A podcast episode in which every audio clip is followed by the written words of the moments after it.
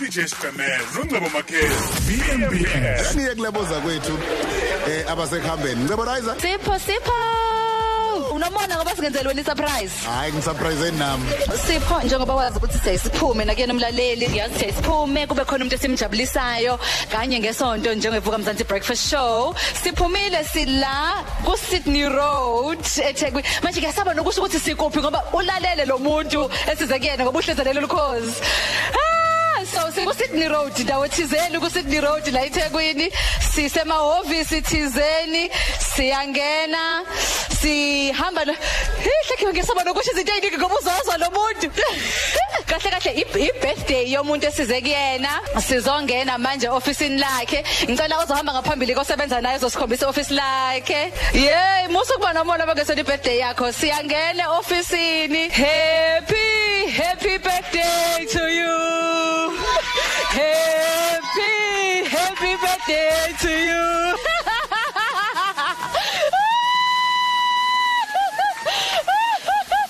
Sipho sila esibhedlela iKing Edward. Yeah umanqumalo uyena ocoordinate yonke lento ecoordinatela eh, umphathi wabo uXolani umzwandile cele. Oh no okwi birthday yakhe namhlanje sathi nje sizothi nje happy ngoyo ngibona ngamehlo engqondo. I'm sure sikhona ke ku live ku Twitter la ku Instagram yokhozi FM ngakwazi ukubona ke konke lokwenzeka bukhoma. Mm, Sipho umlalelo okhozi ke uyazi ukuthi siyisiphume ke uyazi ukuthi siyisiphume iviki neviki seyindaweni ezahlukahlukene sijabulisa umlaleli wokhozi. Eh namhlanje sise King Edward esibhedlela kumphathi weHR uXolani Mzwandile cele futhi. Ngimazi nami ngizofakaza ngaye. Kodwa eh udadewethu umanqumalo okuyena ohlanganisa yonke lento ngize ngambuza ngathi ayisho ukuthi uniphethe kahle kubhuxolani wathi hey umphathi oh wonderful sithande simjabulise kuusuku lakhe lokuzalwa namhlanje. Nami ngiyakufakazela ukuba wonderful kwakhe. Happy birthday buxolani angazi ngizothini hey it's angazi kungaphezulu kwami. Uyazi simile lapha ngaphandle.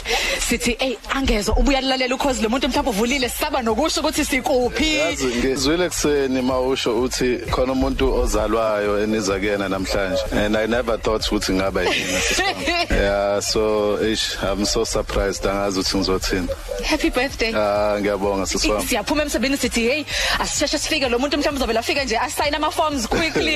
Athi hayi live namhlanje ibirthday yami sithi ke sisakufica Ah, no ish yilabantu abadlale ngami lapha. Nje ubona be set up amatafula labe bethe angize for ibirthday yami bangenzele surprise but i didn't know ukuthi it's more than a surprise. Uyazi ukuthi u- umphathi ongabaphathi kahle abantu akenzelwa lezi zinto awabi khona amaglasi nama serviettes for umuntu. Um- umphathi ophatha kahle abantu ophathwa right Yeah man eh, ngiyabonga kakhulu yazi. Ngicabanga ukuthi kuwumusa nje kuphela sisiwami yeah kubona osebenza nabo ungathini? Yo ah, ngisa ngisaqhaqhazela ngazi ukuthi ngizothini but ke um I'm speechless seriously kodwa ngiyabonga guys. Ubani owenze lento manqumala Manqumala. umpume. Eh.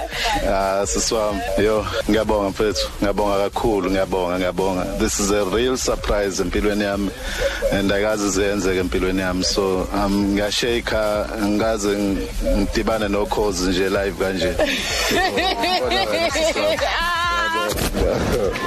Thank you very much. Sipho! Sisaphuza manje nemight la sipho nathi. Hey Ku- kudekiwe la kukhona amakhekhe amajuice o drink ioffice lonke nje liwu happy birthday. Sikuphathela ikhekhe? Nokhozi luphethe ikhekhe liphathele yena uXolani libhaliwe ukuthi happy birthday Xolani sikuphathele nekepisi asemgqokisi Wow. Kapis lokhozi. Okay, yathi ngilibeke eceleni. Um abaphathi bahleze bebhala ama notes. Yo. Akuphathele notebook. Umphathi mayingena emeetingini uphe ungena ethi itiye abese beka phansi. Uma kuyi Friday kuyi casual day. Umphathi ugqoka iskipa sakhe sokho. Yeah, siyabonga. Happy birthday!